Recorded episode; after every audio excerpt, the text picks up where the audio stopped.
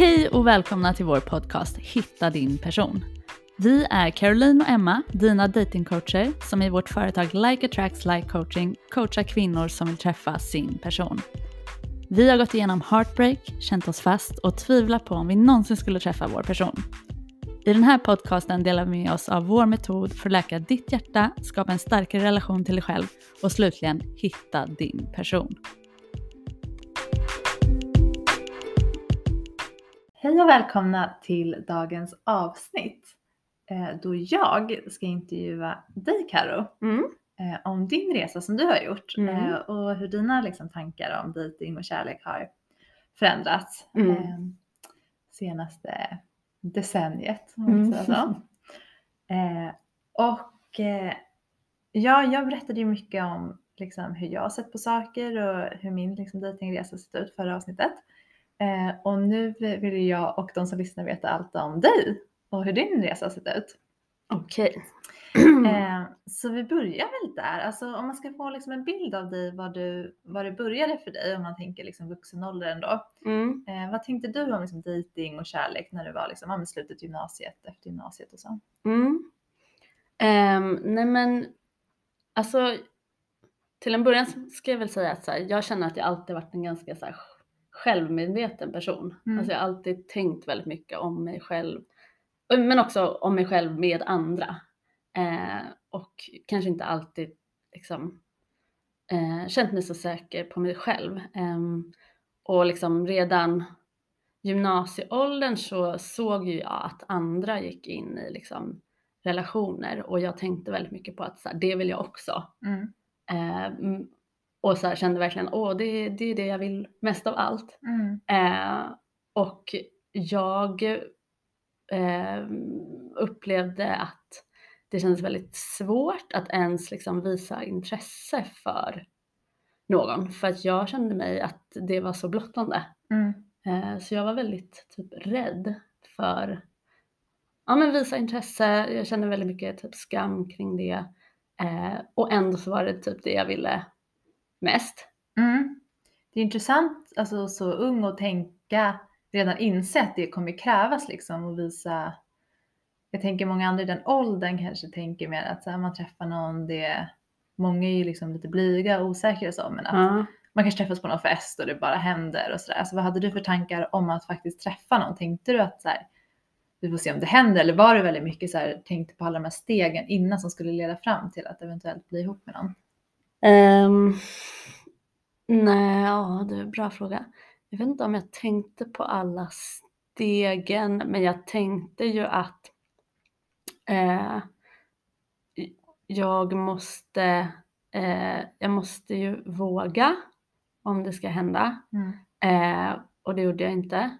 Eh, men jag tänkte ju också någonstans här att eh, men bara någon, liksom bara så här, rätt person kommer Mm. Så kommer, så kommer det bli bra. Mm. Alltså jag måste bara träffa rätt Mm. och då så kommer jag känna mig trygg och eh, då kommer det, kommer det bli bra. Men jag har jättesvårt att göra det också. Mm.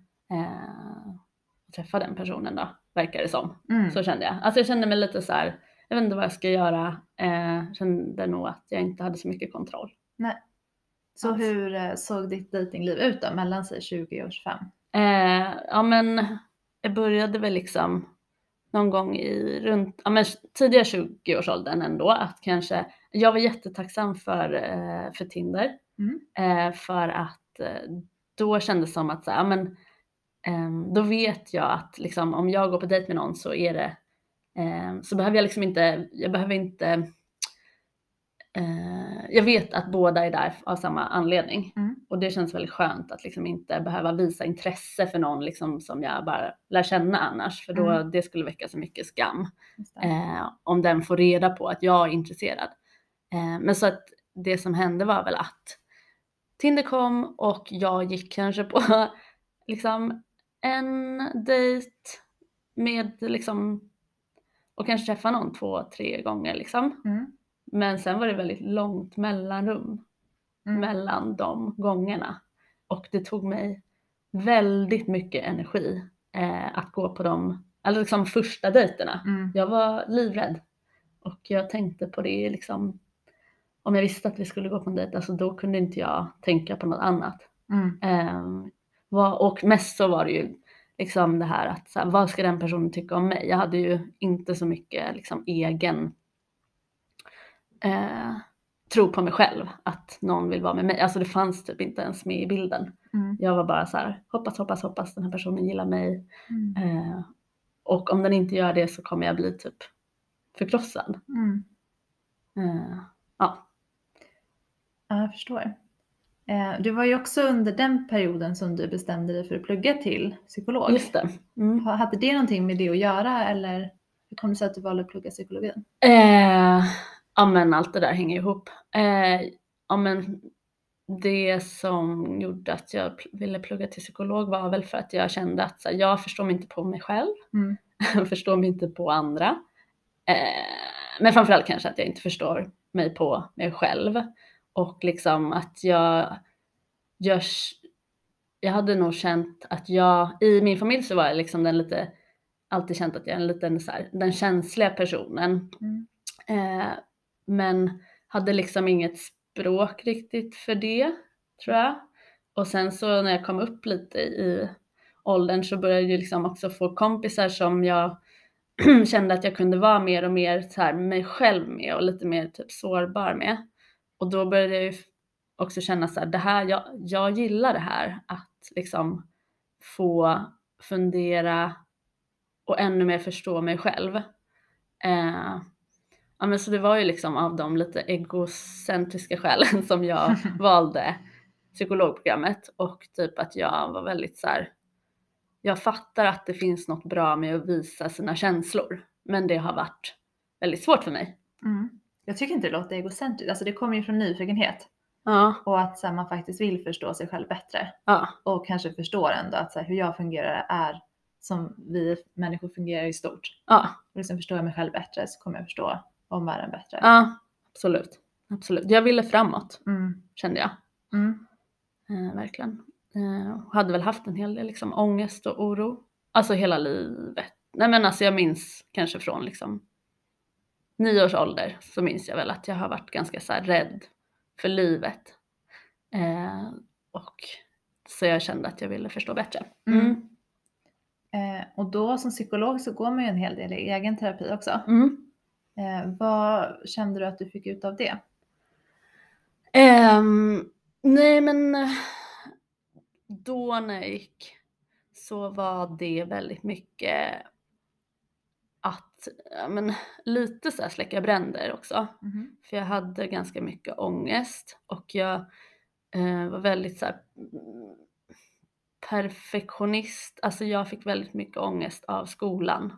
Alltså, och psykologprogrammet eh, också för att många var väldigt smarta och duktiga och jag ville liksom, ja men någon så här att jag vill skamligt att inte vara duktig och sådär. Mm. Eh, så det var mer så här försöka dels släcka bränder, dels också så här förstå mer mig själv och vem, ehm, men kanske så här att jag, jag måste, eh, jag måste kanske inte ha den här bilden.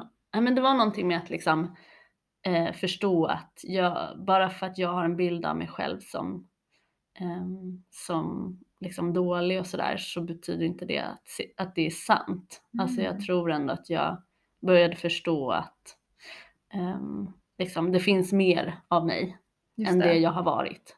Och det, det tycker jag att jag fick liksom hjälp med att se och att liksom ändå typ få lite mer respekt för mig själv. Mm. Men det fanns väldigt mycket kvar eh, att jobba med. Alltså, ja. Och jag tror mycket handlade också om det här med att typ anpassa sig till andra, att vi pratade mycket om det. Att eh, det, var, det är något jag har gjort mycket. Mm. Och jag tror jag började bli mer liksom en egen person och så här började. Min mamma brukar säga att när jag var liten så sa jag, eh, sa jag alltid ja. Eh, så sen vid typ 20-årsåldern så började det svänga. Jag började alltid säga nej istället. För att liksom skydda mig själv. Ja. Att så här, eh, ja men börja ta hand om mig själv lite mer. Mm. Eh, ja, Var det alltså på ett positivt sätt? Då, på ett positivt sätt. Mm. Eh, ja. Att du kunde sätta dig själv först. Ja, lite, ja, lite mer. Ja.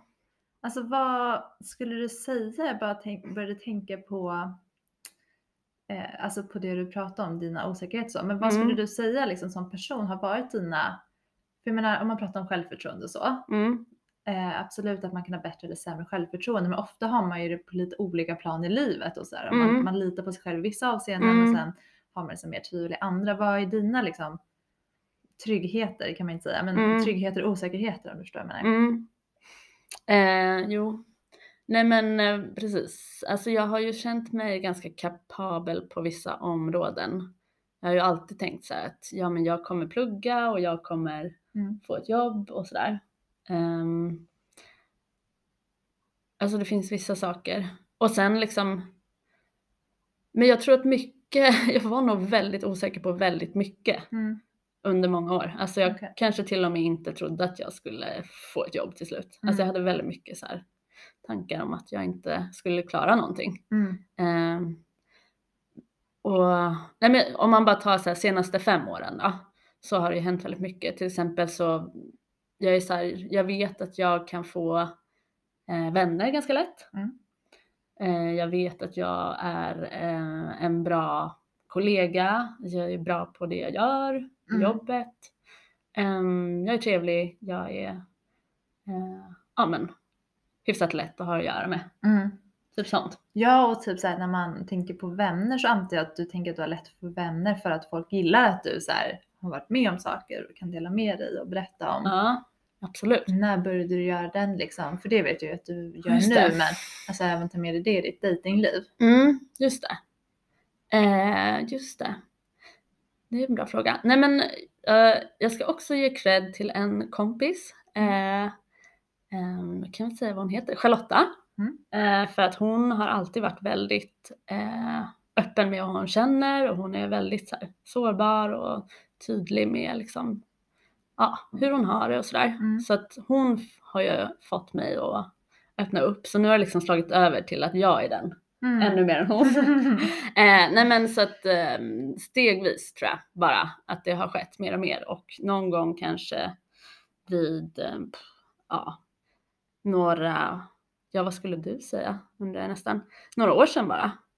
Som Mm. jag liksom verkligen började prata om, ja, hur jag mår och ehm, hur, vad, jag, vad jag längtar efter och liksom, ja, inte vara så eh, himla, skämdes inte så mycket. Men det har ju också bara varit med liksom i intima kretsar, typ med Mm. dig och Ja. med enstaka kompisar. Det är nu mer som jag kan prata inför vem som helst. Alltså jag har skäms liksom knappt alls över, eller liksom jag känner mig snarare stolt. Alltså det kanske vi kommer in på sen, men Nej men jag förstår.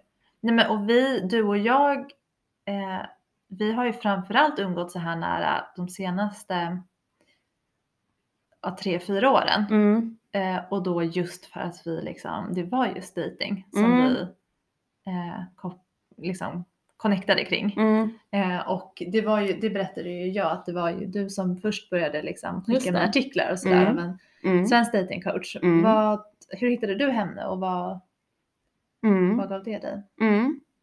Eh, jag tror bara att jag så här sökte. Eh, alltså jag gissar att jag bara googlade Mm. liksom dating, Mm. hjälp Ja. typ. eh, så jag visste ju att jag behövde hjälp.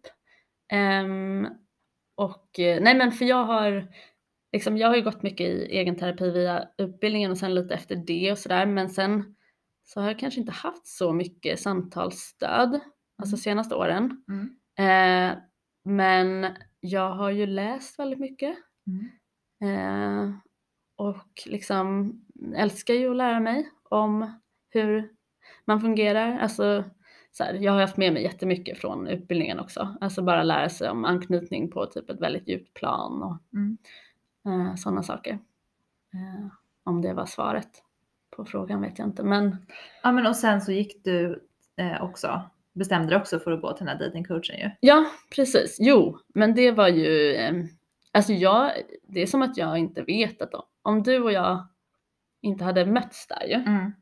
av en slump, Mm. jag, jag vet liksom inte om jag hade vågat typ berätta. Nej. Alltså jag tror att det hade behövts att du skulle berätta Mhm. först. Alltså jag Mm. tyckte det var liksom eh, skamligt, eller vad säger man? ja. Eh, att att så här, det måste vara något fel på mig. Mm. Ja men det är ju verkligen en sak, jag måste bara flika Mm. in det ändå, för jag känner eh, det är redan lite svårt att relatera till att man tyckte så. Och Mm. jag vet ju precis hur jag kände att det kändes men så privat och nej men liksom det här omedvetet då antar jag, det här är någonting man borde kunna hantera själv liksom. Ja. Eh, och lite så skamligt att ha problem i dating. Mm. Eh, men det känns ju så främmande nu och det tror jag Mm. handlar om, igen kanske det vi pratar om just med coachingen, att man eh, alltså man, man är stolt över sig själv på ett annat sätt. Mm. Över att så här, man har utmaningar. Mm. Alltså jag är en människa, jag har utmaningar och jag ser ju så mycket upp till dem som delar med sig Mm. utav sina utmaningar Mm. och gör någonting mer liksom, för att hjälpa andra och sådär. Mm. Eh, så, så det är ju någonting som verkligen har skiftat. Men ja, så kände vi ju Mm. båda. Jag hade nog berättat för dig eh, Mm. efter ett tag liksom. Mm. Men kanske hade jag velat känna först att jag lärt mig så pass mycket. Ja. Att jag liksom Just det. eh, berättade av den anledningen. Just det. Mm, Ja men nu kommer jag bara att tänka på något som har med det där att göra. Att eh, det som är intressant om jag skulle typ under de här åren som jag har liksom varit på Tinder mm, från kanske 25 liksom i olika perioder förstås liksom fram tills idag så har ju mina profiler profiltexter, profiler Mm. sett otroligt olika ja, ut. det är ju spännande. Och eh, i början, ja, jag kommer inte ihåg vad jag skrev, men, eller om jag ens skrev något. Nej men det kändes ju som att säg så lite som möjligt Mm, för att liksom, jag tror det jag tänkte var så här, tänk om någon förstår att jag vill träffa någon, alltså Mm. jättekonstigt för det är det många vill ändå. mm, Eh, men tänk om någon kompis dyker upp, mm, killkompis, då kommer ju den tycka att jag är så fånig om jag liksom mm, visar vad jag vill och vem jag är. mm, Så att jag har väl gått från att knappt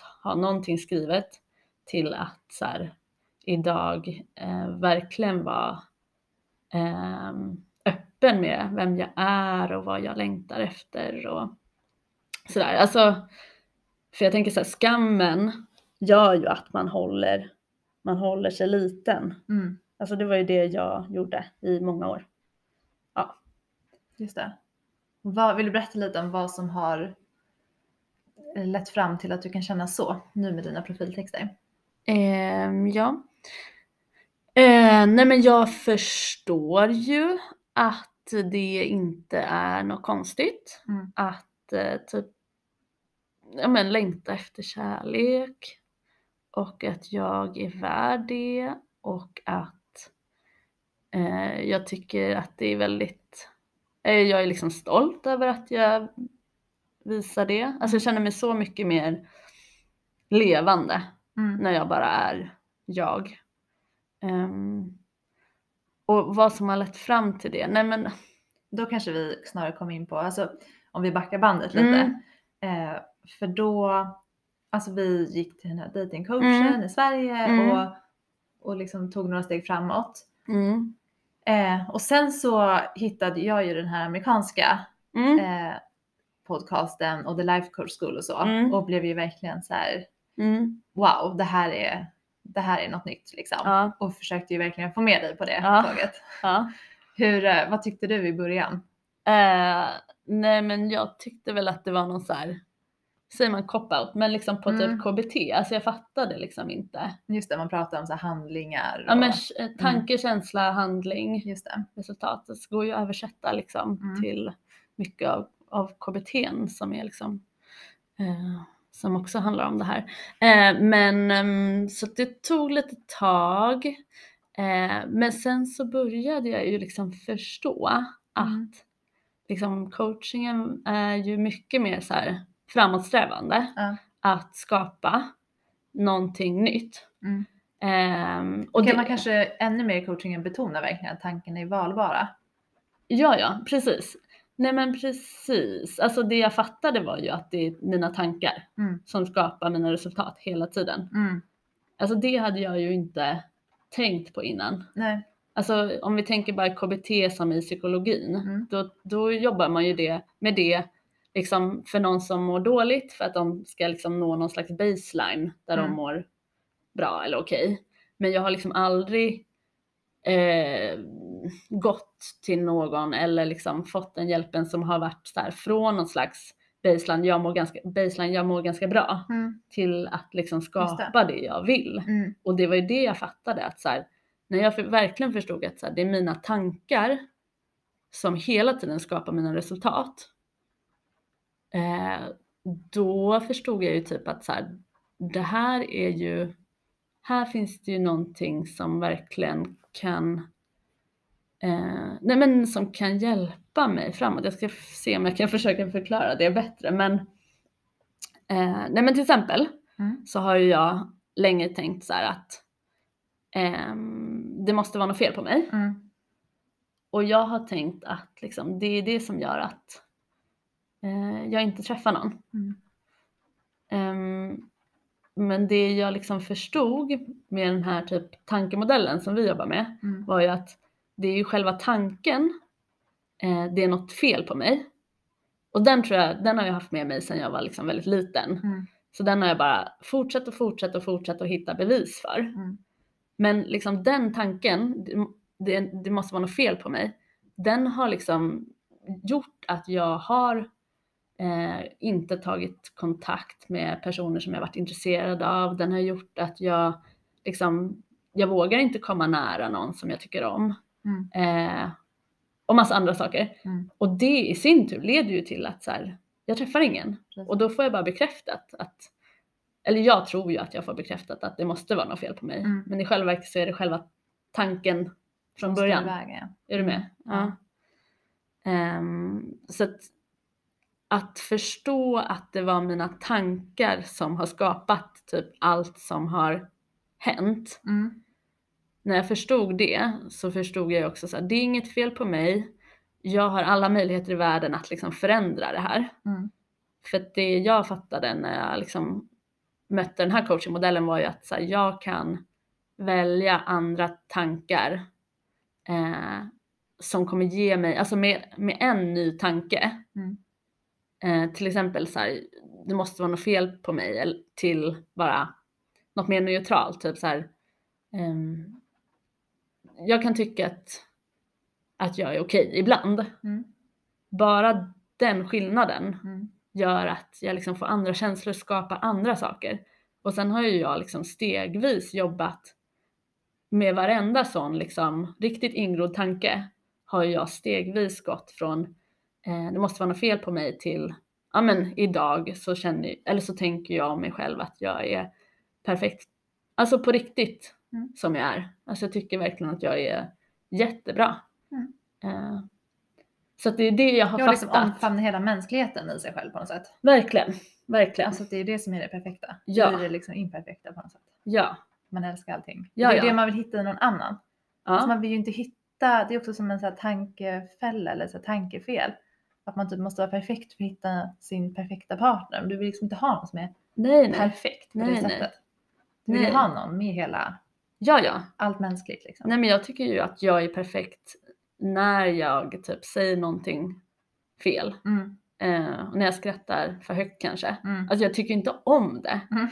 då, men jag, jag typ gillar ändå att jag gör det. mm, För att jag fattar att jag är människa Mm. och det här ingår. Mm. Jag är liksom inte perfekt. Men förut har jag varit så rädd för att inte vara perfekt.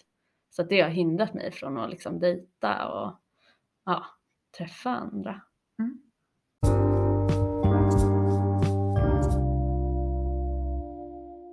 Okej, eh, jag tänkte också fråga lite om, för du nämnde ju att i din psykologutbildning så gick ni igenom anknytningsteorierna väldigt noggrant. Ja. Eh, har man inte koll på dem så rekommenderar vi att man kollar upp dem. Eh, men, eh, och du har ju rekommenderat boken Hemligheten och så förut. Mm. Eh, men det jag tänkte fråga var, liksom, känner du också precis som för mig att din anknytning har påverkat vilka du känner dig dragen till? Mm. Ja men precis, precis som du, alltså vi båda känner väl igen oss i ambivalent Mm. anknytning, otrygg anknytning. Ehm, nej men det har påverkat på så sätt att jag, ja, ja, men jag har tidigare inte dragits till särskilt tillgängliga Mm. personer. Mm. Alltså jag tyckt att de har varit ganska ointressanta. Mm. Eh, vilket ju är jättesynd. Eller liksom så. Men och så har jag dragits mer mot personer som, men på något sätt för att ju, jag har ju inte känt mig så hel. Mm. Och det är ju lite det som jag tänker att så här, min hjärna vill få bekräftat hela tiden. Mm. Att det är lite svårt att älska mig. Eh, så att jag har ju ändå dragits till personer som inte, Just det. Ge Har så mig så mycket. Mm. ja. Eh, och ehm, eh, stannat kvar. Även när jag då inte har fått så mycket. Och ehm, ja, tillåtit att eh, ja, men liksom accepterat att, att jag får inte så mycket. Och jag har ändå tyckt att det har varit liksom fullt eh, tillräckligt för mig. Mm. Alltså, jag vill bara ha mer av den här personen Mm. ändå.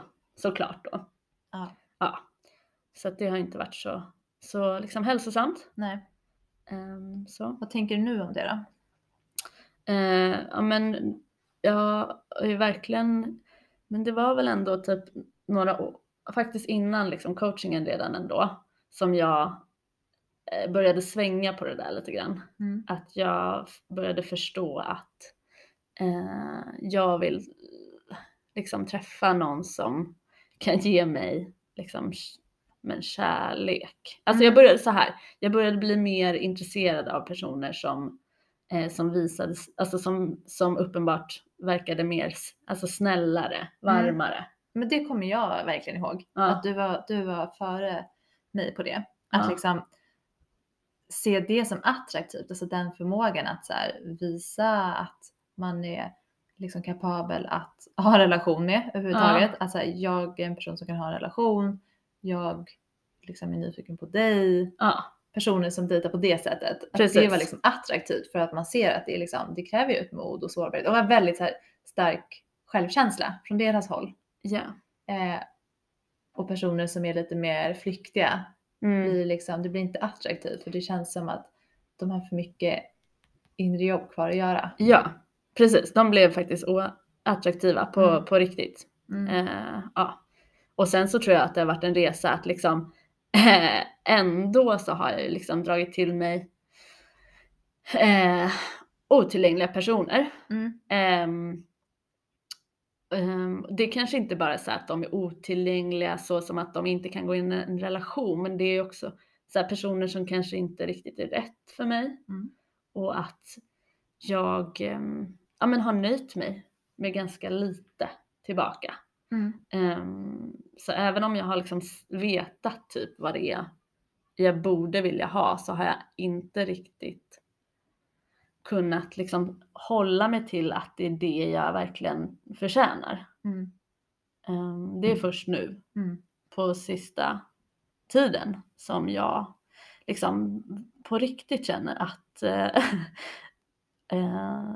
ja men nästan som att så här, jag ska få mer tillbaks än vad jag ger. Mm. Nej men inte så, men jag vet att jag ger jättemycket. Mm. Så det vore inte konstigt om jag upplevde det som att den andra personen ger ännu mer av mig Mm. än mig. För Mm. att ja, det jag ger kommer vara väldigt mycket. Så att jag, mm, Mm. Nej men precis, om man går från liksom, man uppmärksammar någonting, till exempel att en person inte vågar uttrycka att de har en relation. mm, Och, och så just det, är man lite on to den grejen. just det. Men otillgängligheten kan ju liksom visa sig längre fram. Mm, Och det kan också vara hos personer som själva har gjort en del eh, och som är medvetna om kanske att de har en undvikande anknytning eller mm, är ambivalenta mm, eller så. mm, Eh, men som liksom själva har då en del blind spots mm, eh, som kommer till uttryck när de börjar få känslor och sådär. mm, Och de kanske fortfarande tänker att så här, "Nej, men med rätt person så är jag villig att gå in i en relation. mm, Och, och så dejtar man den för att tänka så ja men med rätt person är den villig. mm. Men det Just blir ju det. liksom inte rätt person. Nej. Ja. Precis. Precis. Eh, men jag tänker bara så här, men jag har ju blivit så, så, så mycket bättre på att typ lägga märke till, eller liksom man är ju nästan proffs nu på Mm. att så här, eller identifiera Mm. vem som är tillgänglig och inte. Alltså det Ja. kan vara på ganska små saker. Mm.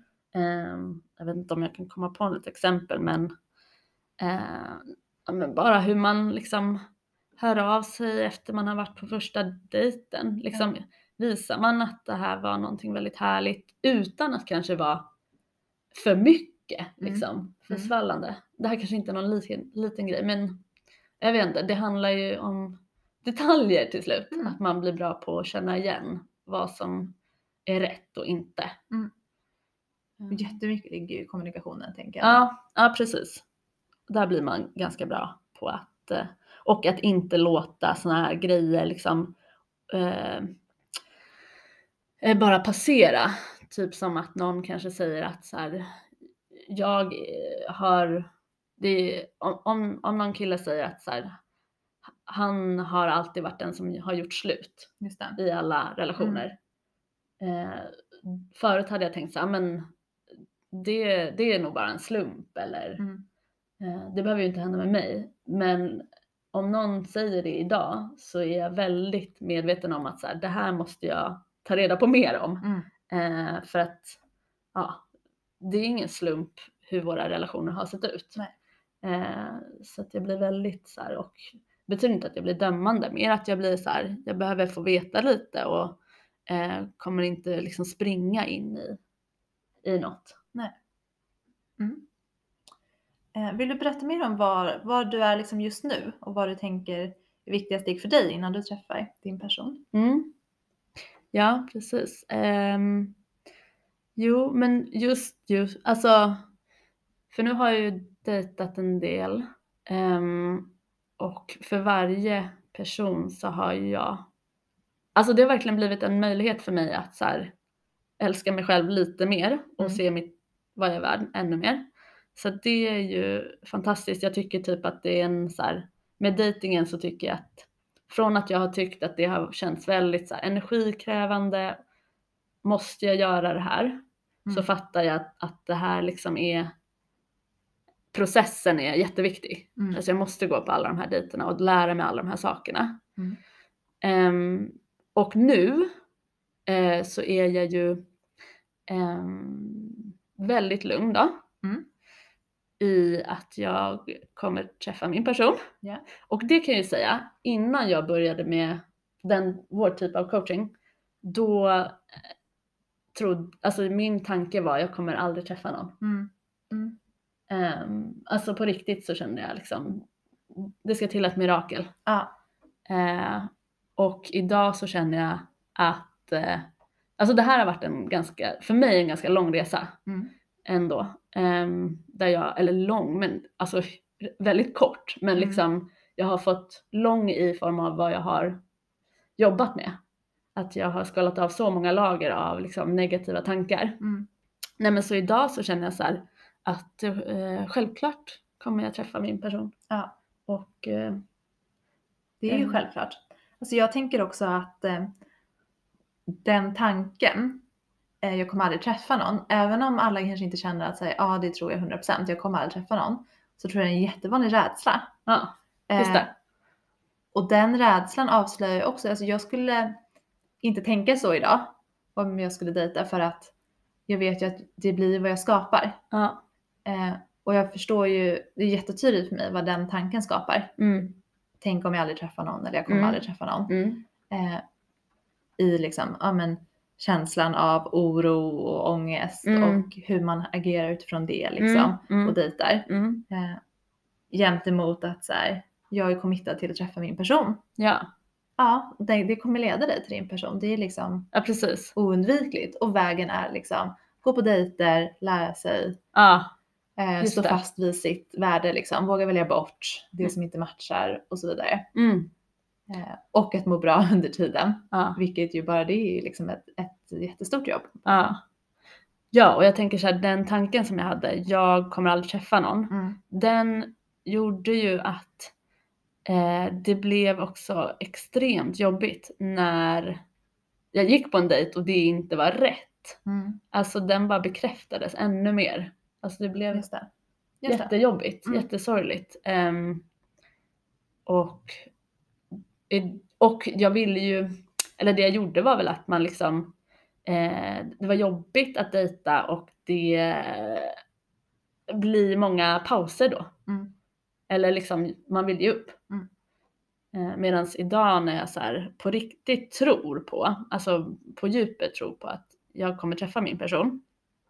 Eh, så, så är det ju inte så jobbigt när det, eller det är ju, det är, det är knappt jobbigt att dejta. Alltså på riktigt, jag trodde aldrig skulle säga det. Men eftersom jag vet att jag kommer träffa min person så gör det inget att det inte är nästa person som jag går på en dejt med. Mm. Och jag vet att min person kommer stanna med mig och jag kommer vilja stanna med den.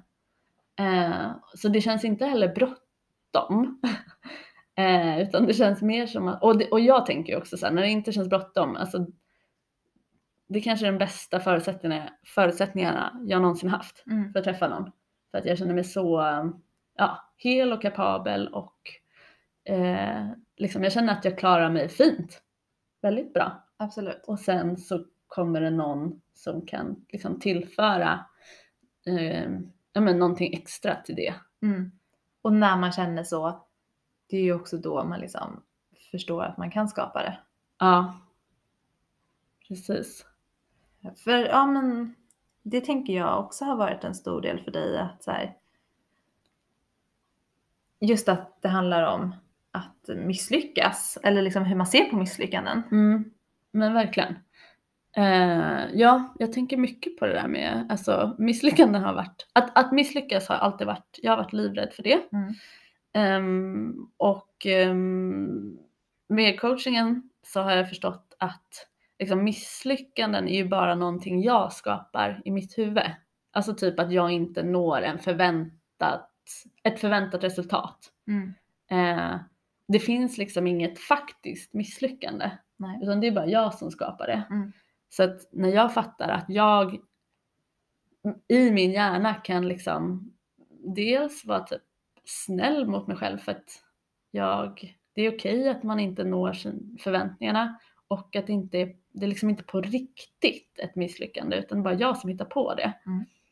Då är det mycket lättare för mig att liksom eh, utmana mig själv och göra sånt som är jobbigt. Och eh, nej, jag fattar också att typ det här med att göra fel eller vad man ska säga, misslyckas, prova, att det är jätteviktigt för att komma framåt. Mm. Alltså, ehm, ja. Och, och jag tänker alltid, eller liksom eh, ett citat som jag faktiskt inte kommer ihåg vem som sa, men liksom att enda skillnaden mellan de som lyckas och de som inte lyckas är att de som lyckas aldrig ger upp. Mm. Mm. Alltså det, det hjälper mig jättemycket. Eh, att förstå att liksom det enda misslyckandet jag skulle kunna göra är att ge upp. Ehm, och att faktiskt så, det finns liksom inget misslyckande i att saker till exempel tar lång tid eller att man måste prova många gånger eller så här. Det är bara så världen fungerar. Ja. Om man ska lära sig något nytt eller om man ska uppnå ett nytt mål. ja, och alltså lite hur vår syn på att lyckas har förändrats också. Ja, Alltså att man ser ju kanske tidigare sett det mer som en slutdestination. Medan nu är det så här, okej man uppnår det man har strävat mot. mhm, Eh, men det är ju inte som att livet bara är liksom solsken dygnet Nej. runt för det. nej, Så man har lite större tålamod med att vara i processen också. mm, För att det. så här, det är processen som är själva vitsen med allt liksom, med livet. Och vi gör det här för att vi vill utvecklas. Mm, Eh, och om man inte gör det för att man vill utvecklas, om man bara vill ha en partner nu, mm, då missar man ju liksom allt, alla lärdomar man skulle kunna göra om sig själv. mm, Eh, och man kommer ta med sig det där in i den relationen för att man vill liksom att en annan person ska lösa ens mående. mm, Eh, och det är inte så kul att vara den personen och det kommer ju nog inte vara liksom så harmoniskt förhållande. just det. Eh, så det är verkligen, Mm. det är en vits med alla liksom hinder på vägen som dyker upp. Gud ja. Gud ja. Nej men det var jättebra att du sa det. Det är Mm. verkligen en sån grej jag har förstått att så här, vägen eh, nu är ju det bästa nästan. Mm. Alltså för varje motgång så lär jag mig någonting nytt om mig själv. Ja. Och det är ju det som har gjort att jag nu är här. där jag är. Liksom att jag är lugn och trygg i mig själv. Ja. ja, det är jättehäftigt. Ja. Och jag tänker också alltså vad coachingen har gjort för oss två. Eh, att vi liksom, eh, vi är väldigt eniga om vad, vad coaching har, har skapat för oss. Eh, men jag tänker för, för min del att här, jag var ändå van vid att vara rätt snäll mot mig själv, tänker jag. Mm. Alltså jag hade ju, som jag pratade om i förra avsnittet, väldigt mycket blind spots Mm. i liksom hur jag var otillgänglig mot mig själv och så. Mm. Eh, och vad jag tänkte om mitt värde. Mm. Eh, men när jag väl fick verktygen att, så här, att få syn på det, Mm. hur jag behandlade mig själv och ver- verktyg att liksom finnas där för mig själv på ett annat sätt. Mm. Då gick det ganska snabbt ändå att liksom implementera. Eh, Medan för personer som, och jag tror liksom för dig har det nog varit så att du inte ens är van vid att vara snäll mot dig själv. Nej, absolut inte. Då är ju liksom det en process först i sig. Verkligen. Att liksom vänja sig vid det och gud, och kan jag det? Och även om man får verktygen för att göra det. Eh, så är det liksom implementeringen sker i två steg nästan. Ja, nej men verkligen. För mig har det varit, jag har behövt jobba på så här massa olika fronter. Mm. Eh, Medan, precis, min bild av dig är mer att så här, när du har fått de här verktygen så har du bara kunnat ta dem Mm. och använda dem och, och skapa det du vill. Medan jag har mer behövt typ läka ganska, eller inte läka men Mm. eh, Vi båda har ju läkt, men jag förstår vad du menar. Ja, på flera fronter har jag behövt liksom jobba med mina rädslor, med min Mm. skam. Eh, och eh, ja, men det har tagit lite tid. Men det är inte alls mycket tid i jämförelse med alla, alla år som jag har liksom jobb, eller kämpat med det. Absolut Nej, men inte. som du skrev, om det var, var det på Instagram du gjorde ett inlägg om det nyligen, att så här, tidigare när man var med om någonting svårt kändes det nästan som ens anledning att slå lite på sig själv. Ja, verkligen. Eh, Så det är ju liksom den vanan också. Ja. Att så här, man får vara snäll mot sig själv, man Just får det. må bra. Mm. Det är meningen att vi ska må bra. ja. Eh, Men verkligen. Som jag kanske hade liksom lite lättare att anamma i Mm. början. Mm. Mm. Och sen så alltså, går ju även det upp och ner såklart. Även i sin självkänsla så landar man ju inte i att så här, nu har jag 100% självkänsla Nej, nej. jämt som jag liksom får leva i. Men man får ju en grundtrygghet Ja. eh, som vi båda fått genom coachingen. ja, det vill vi ju säga. Mm. Att jag upplever ju fortfarande massa negativa känslor. Men jag är mycket tryggare med att jag liksom kan ta hand om mig själv och vara snäll mot mig själv. Mm. Och när jag känner det så är det liksom, då kan inget gå fel nästan. Ehm, och jag vill också lägga till liksom att jag har ju varit deprimerad i perioder, alltså under mitt vuxenliv och haft ja, men en hel del panikångest. Jag har verkligen inte mått bra. Ehm, och att jag tycker ju att så här, terapi behövs för att eh, liksom förstå sig själv bättre och, och läka mycket man har varit med om och sådär. Eh, men, men jag vill också verkligen säga att så här, när man har gjort mycket av det jobbet, vilket många kan behöva, eh, då är ju liksom, det här är ju det som har, alltså coachingen har nu gjort att jag har kunnat uppnå allt det jag typ, eller det känns så i alla fall, Mm. all, att jag kommer kunna uppnå mycket av, eller allt jag liksom drömmer om. Mm. Ehm, Allt du innan tvivlade på att du skulle kunna uppnå. ja, precis. Och dels så vill jag liksom ge alla er som lite har varit i mina, i min sits, att så här, det går att ändra på, på väldigt mycket på ganska kort tid. Alltså med att jobba varje dag med sina tankar. Alltså jag har haft en väldigt, jag har sagt det förut, negativ hjärna och har det fortfarande. Men jag kan styra om den. Mm. Och jag gör det dagligen och det funkar. Eh, så jag vill liksom inte att någon ska sitta fast som jag gjorde under så många år. Mm. Jag önskar liksom ingen det. Eh, och det andra som jag vill säga är ju liksom att i och med att jag hittat coachingen så tänker jag också att jag eh, sparar mig själv från att behöva gå i terapi igen. För att liksom, varför jag nu, innan coaching, varför jag ville gå i terapi var ju för att typ skapa massa saker. Mm. Eh, och om jag inte de närmsta åren skulle kunna ha gjort det, då hade jag behövt gå i terapi. Alltså för att eh, jag mådde dåligt över att jag inte hade kunnat skapa de sakerna. Men nu har jag istället kunnat liksom skapa de sakerna det hade varit onödigt Mm. tycker jag. Ja. Liksom. Jag vet inte om det var sammanhängande. Men eh, jag tycker det är så himla bra liksom, för personer som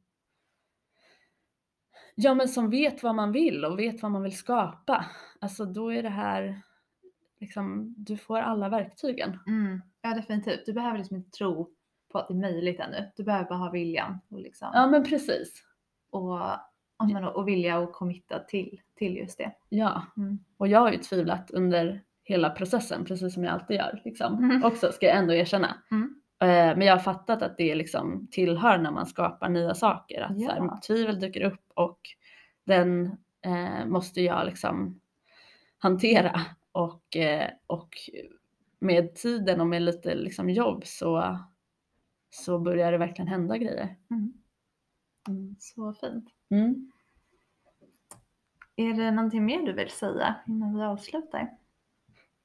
Ehm, nej, jag vill igen bara trycka på att så här, dina tankar skapar dina resultat. Mm. Ehm, och innan, eh, eller jag vill säga så här att liksom, det är inte helt lätt kanske att förstå, men det gör ju det i alla situationer, hela tiden. Mm. Och man kan liksom ändra på sina tankar och då skapar man helt andra situationer. Så det är ja, jättehäftigt. Mm.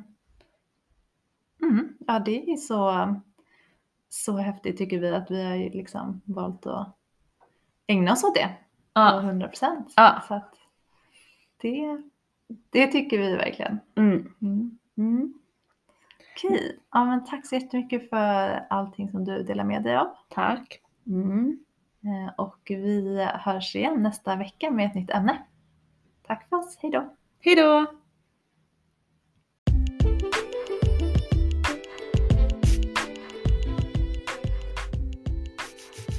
Om du är redo att träffa din person är vårt coachingprogram för dig. Vi tar dig igenom våra fem steg för att hitta din person. Vi visar dig hur du först kan skapa en trygg och kärleksfull relation till dig själv, få klarhet över din historia och attrahera personer som längtar efter samma sak som du. Ansök på vår hemsida likeattractslikecoaching.com.